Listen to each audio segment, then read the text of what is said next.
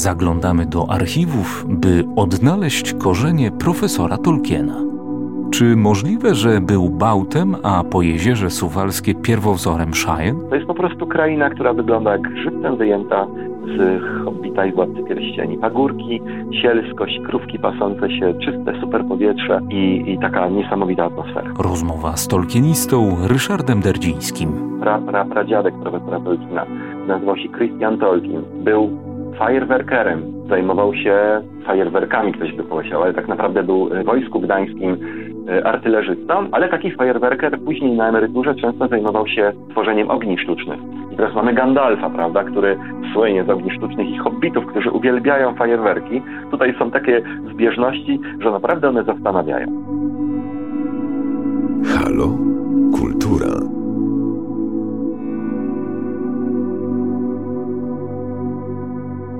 Gościem Radia Lublin jest Ryszard Derdziński, tolkienista. Dzień dobry, kłaniam się. E, dzień dobry, witam Państwa. Małego Wannen w języku elfów. A no właśnie, długo trzeba studiować, żeby nauczyć się języka elfów? Och, to chyba zależy od miłości do y, świata, który się poznaje. Y, u mnie z językami może nie ma takich dużych problemów z uwagi na to, że mam chyba jakiś wrodzony ku temu talent. Pamiętam, że w ciągu jednego roku potrafiłem się nauczyć zakochany w y, pewnej Hiszpance języka hiszpańskiego. Natomiast y, tutaj no, y, wraz z poznawaniem świata profesora Tolkiena E, mając jednocześnie taką wrażliwość językową i od razu zaglądając do różnych indeksów, do różnych dodatków w tych książkach, Tolkien to bardzo lubił, no wynotowywałem sobie te różne słowa. Się okazało, że za chwileczkę już wszystko pamiętałem, byłem w stanie to analizować, e, no i to w zasadzie można powiedzieć, że wkroczyłem jakby w świat lingwistów tolkienowskich, e, gdzieś może w ciągu dwóch lat od pierwszego spotkania z tymi e, językami. A zechciałby pan jeszcze coś powiedzieć po elficku, bo chciałbym usłyszeć melodię tego języka? O, dobrze, to taki mniej znany utwór w języku Sindarin. Ir isilam men eruhin menel virpenna diriel silosa galad lastodin ahira nun gilsoni el.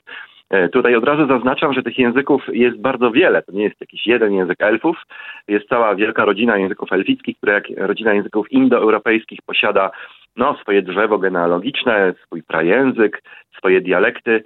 No i tutaj takie dwa najgłówniejsze języki elfickie to język Quenya i język Sindarin. Można go, te języki porównać do jakichś języków, których używamy współcześnie? E, tak, one w zasadzie pod pewnymi względami przypominają e, konkretne języki. Jeżeli chodzi o melodykę, to język Quenya ma przypominać, jest tak, taka intencja autora, język fiński, czyli język Finlandii, Kalewali, a język Sindarin ma przypominać dźwiękowo język walijski. Jednak to tylko chodzi o fonetykę, nie o poszczególne słowa, yy, może jakieś cechy gramatyczne, dlatego że na przykład Quenya posiada bardzo wiele przypadków, tak jak fiński, a znowu w języku Sindarin yy, w gramatyce bardzo istotne są mutacje spółgłoskowe, Jednakże no, to są odrębne języki. One nie, nie, nie są zapożyczone w ten sposób, że Tolkien po prostu walijski użył w swoim dziele i fiński również, tylko stworzył zupełnie od podstaw własne języki, które tylko przypominają te języki świata naturalnego. Słychać, że teraz pochłonięty jest pan twórczością Tolkiena e, dogłębnie. A zaczęło się od wizyty w małej księgarni, tak? Tak, w małym antykwariacie, to były jeszcze lata 80. E, robiłem taką zawsze dłuższą drogę ze szkoły, e, odwiedzając po drodze dwie księgarnie. W 1985 roku, jak tylko ukazał się właśnie nowy Hobbit, nowe wydanie Hobbita z Iskier i e, Silmarillion po raz pierwszy w Polsce, to akurat te książki napotkałem w antykwariacie i, i powiem panu, że w ciągu E, chyba dwóch dni opanowałem pisanie runami, dlatego że w Hobbicie mamy e, mapę Esrora i mamy tam właśnie różne zapisy runiczne. Mimo tego, że w tym pierwszym wydaniu polskim nie było to objaśnione, to ja jednak już zerknąłem zaraz do encyklopedii PWN i e, wynalazłem sobie runy, nauczyłem się nimi pisać i w szkole podstawowej potem z kolegami pisaliśmy do siebie sekretne wiadomości właśnie runami. Ja tam do tej księgarni, do tego antykwariatu przybywałem, chodziłem dużo wcześniej i tam odkryłem w ogóle, że jest Tolkien dzięki temu, że było takie czasopismo klubu e, fantastyki ze Śląska od nas z Katowic Fikcje i w nim były takie artykuły o Tolkienie tam po raz pierwszy wyczytałem o hobbitach. Ja tam siadałem na podłodze po prostu, tornistry rzucałem gdzieś tam w bok pani już tam mnie doskonale znała i ja sobie tam przeglądałem różne rzeczy. No i e, właśnie jak napotkałem te dwie książki, Hobbit i Silmarillion, pobiegłem szybciutko do domu poprosić mojego tatę o, o fundusze. Oczywiście w ogóle nie było problemu, dostałem pieniądze na obydwie książki, ale jak wróciłem był tylko Hobbit, więc tego Hobbita, zresztą mam go do, do dzisiaj na półce, to jest moja relikwia, kupiłem, a z Silmarillionem był właśnie problem, bo już ten Silmarillion mi wykupiono i tutaj taka opowieść troszkę może z dzisiejszego punktu widzenia mrożąca krew w żyłach, bo jak byłem właśnie w tym antykwariacie, taki pan mówi do mnie, o chłopczyku, a chciałbyś kupić Silmarillion? Ja mówię, tak, a my z żoną mamy w domu Silmarillion, możemy ci go sprzedać. No i ja wsiadłem do tramwaju i pojechałem za dalekie osiedle w moim mieście i wszedłem do bloku, e, wjechałem windą na jakieś dziesiąte piętro, Okazało się, że państwo po prostu w tych e, latach 80. w ten sposób sobie dorabiali, że skupywali książki w księgarni, mając różne znajomości i odsprzedawali je do antykwariatów, kolekcjonerom i tak. Brzmiało groźnie, skończyło się e, szczęśliwie. Tak. Czy to prawda, że korzenie Tolkiena mogą sięgać terenów e, Gdańska, okolic Gdańska? Tak, oczywiście. No to jest już w pełni udowodnione i potwierdzone materiałami archiwalnymi z Archiwum Państwowego w Gdańsku, gdzie udało mi się znaleźć e, bardzo szczegółowe dokumenty. Mogę za chwileczkę powiedzieć jakiego typu, bo to naprawdę są świetne, świetne sprawy. A y, chodzi o to, że już dawno frapowało mnie, jak poznałem biografię profesora Tolkiena Pióra Humphreya Carpentera, tam była napisana, opisana y, taka legenda rodzinna dotycząca pochodzenia Tolkienów. Tolkien to jest w ogóle nazwisko niemieckie. Oczywiście w języku polskim możemy je wymawiać Tolkien, tak jak e, potocznie się mówi, ale jak ktoś jest takim większym nerdem, może mówić Tolkien, tak jak mówiła to rodzina Tolkienów. Zresztą profesor Tolkien akcentował prawdopodobnie nawet na ostatnią sylabę Tolkien. E, I e, nazwisko no, jest niemieckie, więc e, Tolkienowie wiedzieli też o tym, że przybyli z jakiegoś terytorium Niemiec. Ale w ich legendzie rodzinnej było to, że przybyli do Wielkiej Brytanii w XVIII wieku z Saksonii. Saksonia to jest bardzo szerokie pojęcie w niemieckiej historii. Tam w innych y, takich szczegółowszych opisach profesora Tolkiena, w jego esejach, można doczytać, że chodziło o elektorat Saksonii, czyli o tą bliższą nam Saksonię z Dreznem, Lipskiem. Y, I y, zastanawiało mnie, jak to jest, że dzisiaj w dobie takich szczegółowych badań genealogicznych jeszcze żaden Niemiec y, gdzieś tam badając genealogię nie wynalazł tych Tolkienów i nigdy o tym nie napisał. I zacząłem się tym interesować około roku 2010, już będąc y, uznanym, że tak powiem, lingwistą tolkienowskim, mającym jakieś tam swoje w tym zasługi, jeżdżącym po szkołach też y, y, po to, żeby dzieciom opowiadać o Tolkienie, o jego językach, wynalazłem sobie kolejną, kolejne pole badawcze. Okazało się one bardzo, bardzo płodne. Od początku już wiedziałem, patrząc na źródła, że co jak co, ale nazwisko Tolkien przed XVIII wiekiem występuje tylko w jednym konkretnym rejonie świata, a mianowicie w Prusach czyli no, dzisiaj byśmy powiedzieli w Prusach Wschodnich, bo chodzi o e, teren dzisiejszego okręgu kaliningradzkiego. Tam w średniowieczu to nazwisko się pojawia w konkretnym miejscu i potem na przykład w XVI wieku rozprzestrzenia się po terytorium Prus, ale w konkretnym centrum, właśnie w tym miejscu, gdzie po raz pierwszy mi się udało to nazwisko odnaleźć. A w XVIII wieku właśnie ci Tolkienowie pruscy z uwagi na wielki nacisk państwa pruskiego na swoich obywateli, na, na służbę militarną i tak dalej, wielu ludzi uciekało po prostu z Prus. No i wtedy się zaczynają Tolkienowie rozprzestrzeniać po Europie, głównie w krajach niemieckojęzycznych. Gdańsk w tym okresie był oczywiście miastem polskim, ale no tutaj ja zawsze tak podkreślam też w moich opowieściach historycznych, że warto pamiętać, że język niemiecki był jednym z polskich języków, języków Rzeczpospolitej, bo właśnie w Toruniu, w Elblągu i w Gdańsku mieszczanie, którzy byli poddani królom polskim, byli jednocześnie ludźmi języka niemieckiego i wiary protestanckiej. No i tacy też byli właśnie ci Tolkienowie z Gdańska. Samo nazwisko, y, ono wywodzi się, y, to jest bardzo popularne w ogóle w języku niemieckim, że nazwiska wywodzą się od nazw miejscowych. Bardzo wiele nazwisk właśnie niemieckich to tak naprawdę są nazwy terenowe. Tak samo w języku angielskim. Na przykład dziadkowie profesora Tolkiena nazywali się Safildowie od y, pewnej wioski Safild. E, I tutaj e, Tolkien miał inną wizję e, pochodzenia swojego nazwiska, ponieważ w języku niemieckim jest taki przymiotnik Tolkien, który oznacza szaleńczo odważnego, brawurowego, od niemieckiego tol, szalony i kyn, odważny, śmiały. Jednak jak badałem to nazwisko, okazuje się, że rzeczywiście był taki okres, gdy to nazwisko w ten sposób dosyć często zapisywano. Nawet sama rodzina Tolkienów tak była opisywana w Gdańsku, bo w niektórych dokumentach Tolkien opis, e, zapisywany jest właśnie jako to ty, o, l, l, k, u, umlaut, i H i N, Tolkien. Natomiast jak sięgniemy dalej w źródła, to w XVII czy XVI wieku już tylko jest forma Tolkien, Tolkien i w takiej formie, która nie przypomina tego przymiotnika w żaden sposób, natomiast jest podobna bardzo do nazwy małej miejscowości, niedaleko właśnie tych E, punktów, gdzie znajduje najdawniejszych przodków profesora Tolkiena. Chodzi o taki majątek ziemski z kilkoma tylko domami, który nazywał się po niemiecku Tolkheim i e, dzisiaj znajduje się no, niestety w tym rosyjskim okręgu kaliningradzkim, czyli no, e, zdjęcia tego miejsca, no nie ma go po prostu, bo został zgładzony w czasie wojny. Natomiast e, najprawdopodobniej e, to nazwisko e, Tolkienów to właśnie było nazwisko właściciela owego mająteczku, który później przemieścił się w inne miejsca, jego rodzina się rozrastała, ale oni zawsze nosili nazwisko na cześć tego, tego miejsca. Mam e, ostatnio właśnie odkryte dokumenty w Berlinie, tam jeżdżę cyklicznie do archiwum pruskiego w Berlinie Zachodnim i mam właśnie takie fajne dokumenty, gdzie występują pewni przodkowie profesora, osoba na przykład, nie wiem, Jakoba Tolkheima, i jednocześnie obok ta miejscowość, która dokładnie tak samo jest zapisywana, więc mm, tutaj też y, no, mam, mam takie potwierdzenie źródłowe, a wcześniej tą sprawą zajmowała się pewna pani y, doktor z Uniwersytetu w Niemczech, y, też badała nazwisko i ona też doszła do wniosku, niezależnie ode mnie, że nazwisko na pewno wywodzi się od nazwy miejscowej. To nazwisko ono się rozprzestrzeniało właśnie z tego okręgu kaliningradzkiego dzisiejszego, przez, no bo to, to jest kwestia kilkunastu kilometrów między tym Tolkheim, a na przykład Tolkienami,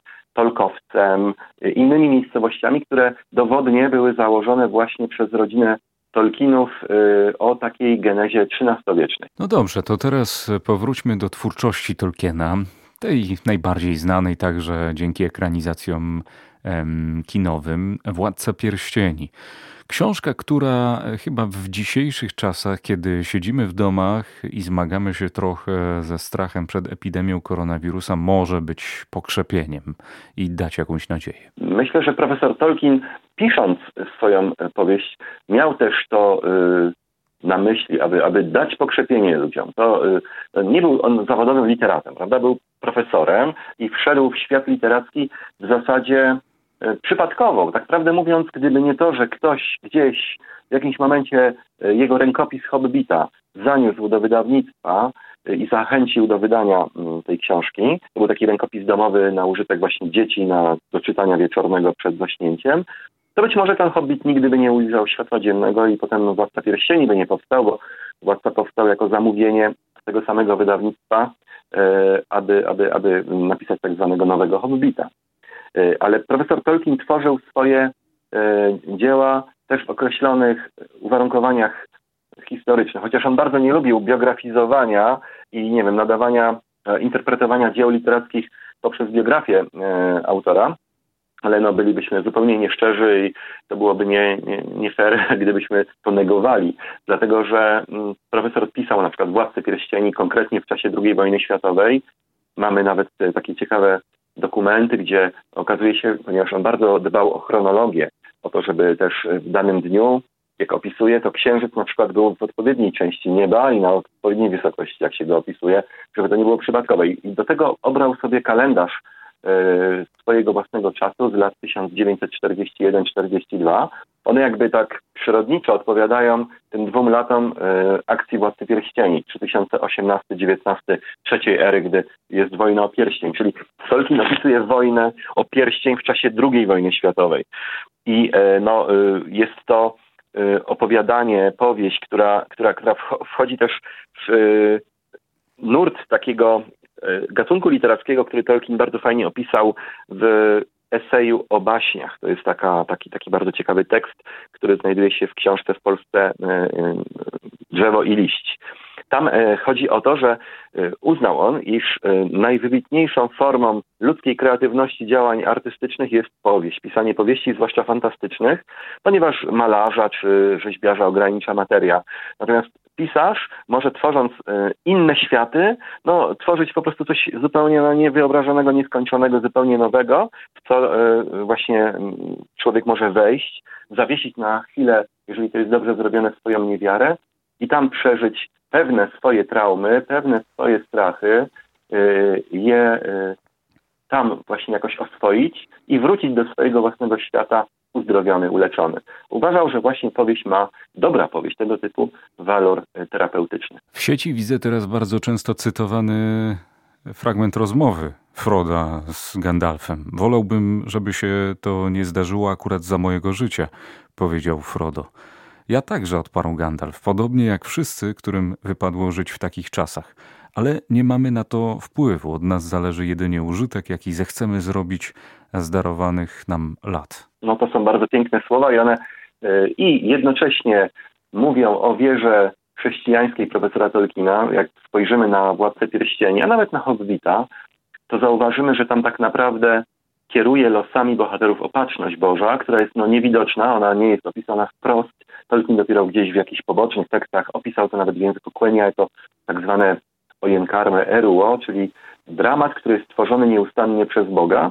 Zwróćmy uwagę na przykład ten moment, gdy Frodo no, zawiódł tak naprawdę, gdyby nie pewne zbiegi okoliczności, jakbyśmy to powiedzieli, niby przypadki, to ten pierścień by nigdy nie wpadł do szczelin zagłady ale tutaj właśnie opatrzność to wszystko tak, tak, tak, tak pokierowała losami Froda, gdzie ułaskawił na przykład Golluma, dzięki temu Gollum przeżył, a potem mógł, yy, chcąc odebrać pierścień, wpaść do szczelin i ten pierścień zniszczyć. Więc yy, tu jest właśnie to, że wolna wola człowieka, ale jednocześnie ta pomoc yy, Bożej łaski. No i to jest zarówno w wierze profesora świetnie opisane w jego listach, Teraz mam wielkie szczęście, ponieważ y, jestem zaprzyjaźniony z córkami profesora Mroczkowskiego, który był przyjacielem profesora Tolkiena i użyczono mi kopię y, listów, które Tolkien pisał właśnie do Mroczkowskiego. To są takie listy, gdzie naprawdę jest bardzo wiele głębokich takich przemyśleń chrześcijańskich, świadczących właśnie o takiej codziennej, nie tylko filozoficznej, opisywanej w artykułach, ale takiej praktycznej, praktykowanej każdego dnia wierze właśnie w działanie opatrzności Bożej. No i to jest y, u Tolkiena w książkach opisane w taki zawalowany sposób, żeby też no, od razu nie wchodzić w kanon, nie wiem, literatury chrześcijańskiej, której już potem nie będzie czytał nikt inny. Profesor Tolkien chciał tworzyć coś uniwersalnego, co będzie przemawiało po prostu do człowieka, e, który żył, żył w XX wieku. No dzisiaj w XXI wieku, jak widać, też ten Tolkien nas świetnie przemawia. I, I no, mamy tam właśnie ten motyw, głęboko przeżywana wiara pisarza, która choćby nawet on ją bardzo próbował ukrywać, żeby po prostu y, nie była aż taka wprost, to, to, to, wynika po prostu z tej, z tej literatury. Między innymi właśnie w tym momencie, gdy mówimy o, o tym, że no, nie mamy wpływu na to, w jakich czasach żyjemy, ale e, od nas zależy, od naszej woli, od naszych wyborów, jak zużyjemy ten czas, który nam został dany. To popodróżujmy sobie teraz trochę po Śródziemiu, bo jest to potężna kraina, I kiedy czytamy o Shire, to rzeczywiście człowiekowi się aż serce raduje i chciałby gdzieś tę krainę mm, na ziemskiej mapie odnaleźć. Jest taka szansa? Owszem. Myślę, że wszędzie, gdzie po prostu jest piękna przyroda, nie trzeba specjalnie jechać do Anglii, ani tym bardziej do Nowej Zelandii. Akurat jestem przewodnikiem turystycznym. E, teraz akurat w dobie pandemii nasz zawód przeżywa bardzo duże problemy, ale y, no, miałem w ostatnich latach okazję być właśnie w takich miejscach, które y, i inspirowały profesora Tolkiena i inspirowały twórców filmu Władca Pierścieni. Byłem w Hobbitonie filmowym i tak dalej. Ale ja dostrzegam tę tą przyrodę, to, y, to piękno Shire, tą sielskość, wszędzie dookoła siebie, gdy wyjdę po prostu już poza miasto. Jeżeli chodzi o nasz kraj, to tutaj szczególnie polecam odwiedzić po jeziorze Suwalskie, Moim zdaniem to jest po prostu modelowe Shire. Jeszcze tym bardziej, że no, jak teraz profesor Tolkien o tym nie wiedział, ale, ale gdyby wiedział o swoim pochodzeniu, że jest pochodzenia Bałtem w linii męskiej, to, to bardzo by chciał poznać na pewno po jeziorze Suwalskie, bo to jest po prostu kraina, która wygląda jak żywcem wyjęta z Hobbita i Władcy Pierścieni. Pagórki, sielskość, krówki pasące się, czyste, super powietrze i, i taka niesamowita atmosfera. To jest właśnie niesamowite. Niby zbieg okoliczności. Jak mógł wiedzieć, skoro nie znał tych swoich korzeni? No, ciekawe jest to, że profesor Tolkien sam e, osobiście wierzył w tak zwaną pamięć genetyczną i opisywał no ją w swoich opowieściach i w listach. Uważał, że y, przekazuje się w jego rodzinie na przykład y, z pokolenia na pokolenie w linii męskiej scen o y, fali, która zalewa jakiś ląd, nie? tak jakby y, Atlantydę, czy też właśnie Numenor, który Tolkien napisał, bo to Numenor tak naprawdę to jest y, w świecie Ardy opowieść o Atlantydzie. zresztą nazywał się w języku Quenya Numenor po upadku Atalante, czyli upadły. I nikt nie wie tak naprawdę, czy istnieje coś takiego jak pamięć genetyczna. Ona na pewno nie jest zapisana tak bezpośrednio w kodzie DNA, tylko może gdzieś poza jądrem komórkowym w całym otoczeniu jądra i może kiedyś to odkryjemy, ale w każdym razie no jest coś takiego niezwykłego, że, że ludzie mają wrażenie, że gdzieś się jakoś wyjątkowo dobrze czują, a, a, a potem się okazuje, że ich przodkowie właśnie w tym miejscu y, mieszkali. Myślę, że tutaj y, choćby to, że Tolkien był y, zakochany w języku fińskim, i no, czyli po prostu w, też w kulturze, w folklorze nadbałtyckim, no, z Finlandii, czy z Karelii, czy nawet, no nie wiem, Estonii, bo to tam, tam też funkcjonują te same mity, do tego miejsca, gdzie żyli przodkowie profesora Tolkiena, to już naprawdę jest bardzo bliziutko, bo Bałtowie i ugrofińskie ludy, oni e, wprawdzie językowo nie są bezpośrednio ze sobą spokrewnieni, ale mają pewne cechy kulturowe zbliżone. Więc no, ja e, powiem szczerze, że gdy badam tą e, biografię, gdy sięgam na przykład właśnie, o, miałem powiedzieć o Gdańsku, do takich dokumentów, gdzie się dowiaduję, że pra, pra, pradziadek profesora Tolkiena, nazywał się Christian Tolkien, był Firewerkerem po niemiecku, czyli zajmował się fajerwerkami, ktoś by pomyślał, ale tak naprawdę był w Wojsku Gdańskim E, artylerzystą i tym takim najwyższą rangą w tej artylerii właśnie był fajerwerker, który zajmował się pirotechniką, ale taki fajerwerker później na emeryturze często zajmował się tworzeniem ogni sztucznych. I teraz mamy Gandalfa, prawda, który słynie z ogni sztucznych i hobbitów, którzy uwielbiają fajerwerki, jak zobaczyłem tego typu rzeczy, albo to, że domek Tolkienów w Gdańsku znajdował się na ostatniej uliczce w mieście, się nazywała ona Lettegase, czyli ostatnia uliczka. Ona była ostatnią w ogóle już przy wyjeździe w kierunku Oruni i e, była ślepą uliczką. Dokładnie tak samo jak Back End. Back End oznacza w języku angielskim e, ślepą uliczkę. Więc y, no, po prostu tutaj są takie zbieżności, że naprawdę one zastanawiają. Wszyscy znamy prawie, mam nadzieję, Hobbitę, ale także Władcę Piersieni i Silmarillion, ale chciałbym, żebyśmy teraz się trochę zainspirowali tą rozmową i sięgnęli także po inne teksty Tolkiena. No, skoro mamy tyle czasu i siedzimy w domu, to po co warto sięgnąć? Moim zdaniem e, tutaj e, mnóstwo jest takich jeszcze ciekawych rzeczy, które niekoniecznie są e, umiejscowione w Śródziemiu, ale są bardzo mm, wartościowe dla naszej duszy po prostu. Ja w zeszłym roku przeżywałem odchodzenie mojej kochanej mamy, która zmarła no prawie rok temu i jedną z takich opowieści, którą jej czytałem, e, miałem tą możliwość, że, że, że towarzyszyłem jej w tych ostatnich chwilach, to była e, opowieść Tolkiena, która nazywa się Liść dzieło Nigla. Jest to taka, taka przypowieść, tak naprawdę, parabola. Yy, zaczyna się ona, że był sobie pewien człowieczek, Nigel, którego czekała długa podróż. Ta długa podróż to właśnie chodzi o śmierć. I yy, jest to opowieść o tym, co dzieje się z tym człowieczkiem, który był artystą, właśnie jak on nie umiał się przygotować do tego momentu, bo ciągle był zajęty innymi sprawami, potem odchodzi, przechodzi na drugą stronę rzeczywistości, no i tam y, okazuje się, że y, stwórca ma dla artysty specjalny plan, że ta sztuka, którą on tworzył na ziemi, ona wcale nie będzie zapomniana, tylko ona właśnie tam jest rozwijana. Moja mama była artystką, więc tutaj w szczególny sposób też ta opowieść jej się podobała. Wiem, że wielu ludzi, którzy nawet nie czytują na co dzień Tolkiena, a nie wiem, są w hospicjum, pracują w hospicjum, często y, mówią mi, o, Nigel, znamy to, y, czyli też kolejna opowieść terapeutyczna, która ma pewne odpowiedzi na temat spraw ostatecznych. Bardzo też piękny jest Kowal z Podlesia Większego. To jest taka baśń, która też dzieje się no jakby w średniowieczu. Tutaj nawet Tolkien gdzieś tam opisywał, że to jest XI wiek.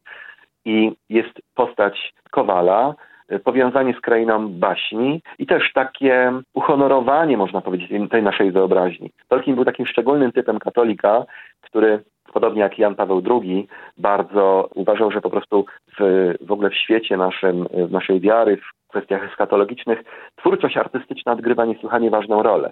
Że człowiek stworzony na podobieństwo Boga, no to ma też to podobieństwo kreacyjne. Bóg jest stwórcą, a człowiek jest wtórstwórcą, jak to mówił profesor Tolkien. Po angielsku to jest takie specjalne określenie subcreation, czyli podstwarzanie, subkreacja. E, I, I tutaj no, na tym jest zbudowany właściwie praktycznie każdy utwór profesora Tolkiena. To świetnie jest wyjaśnione właśnie w eseju o baśniach. Także kolejna książka, którą bym bardzo polecał, to jest y, Drzewo i liść i tam taki poemat Mitopeja, gdzie profesor Tolkien w formie poematu filozoficznego, kolejny gatunek literacki, który, którym się parał, na, opisał po prostu te swoje spostrzeżenia na temat wiary, na temat znaczenia sztuki dla człowieka.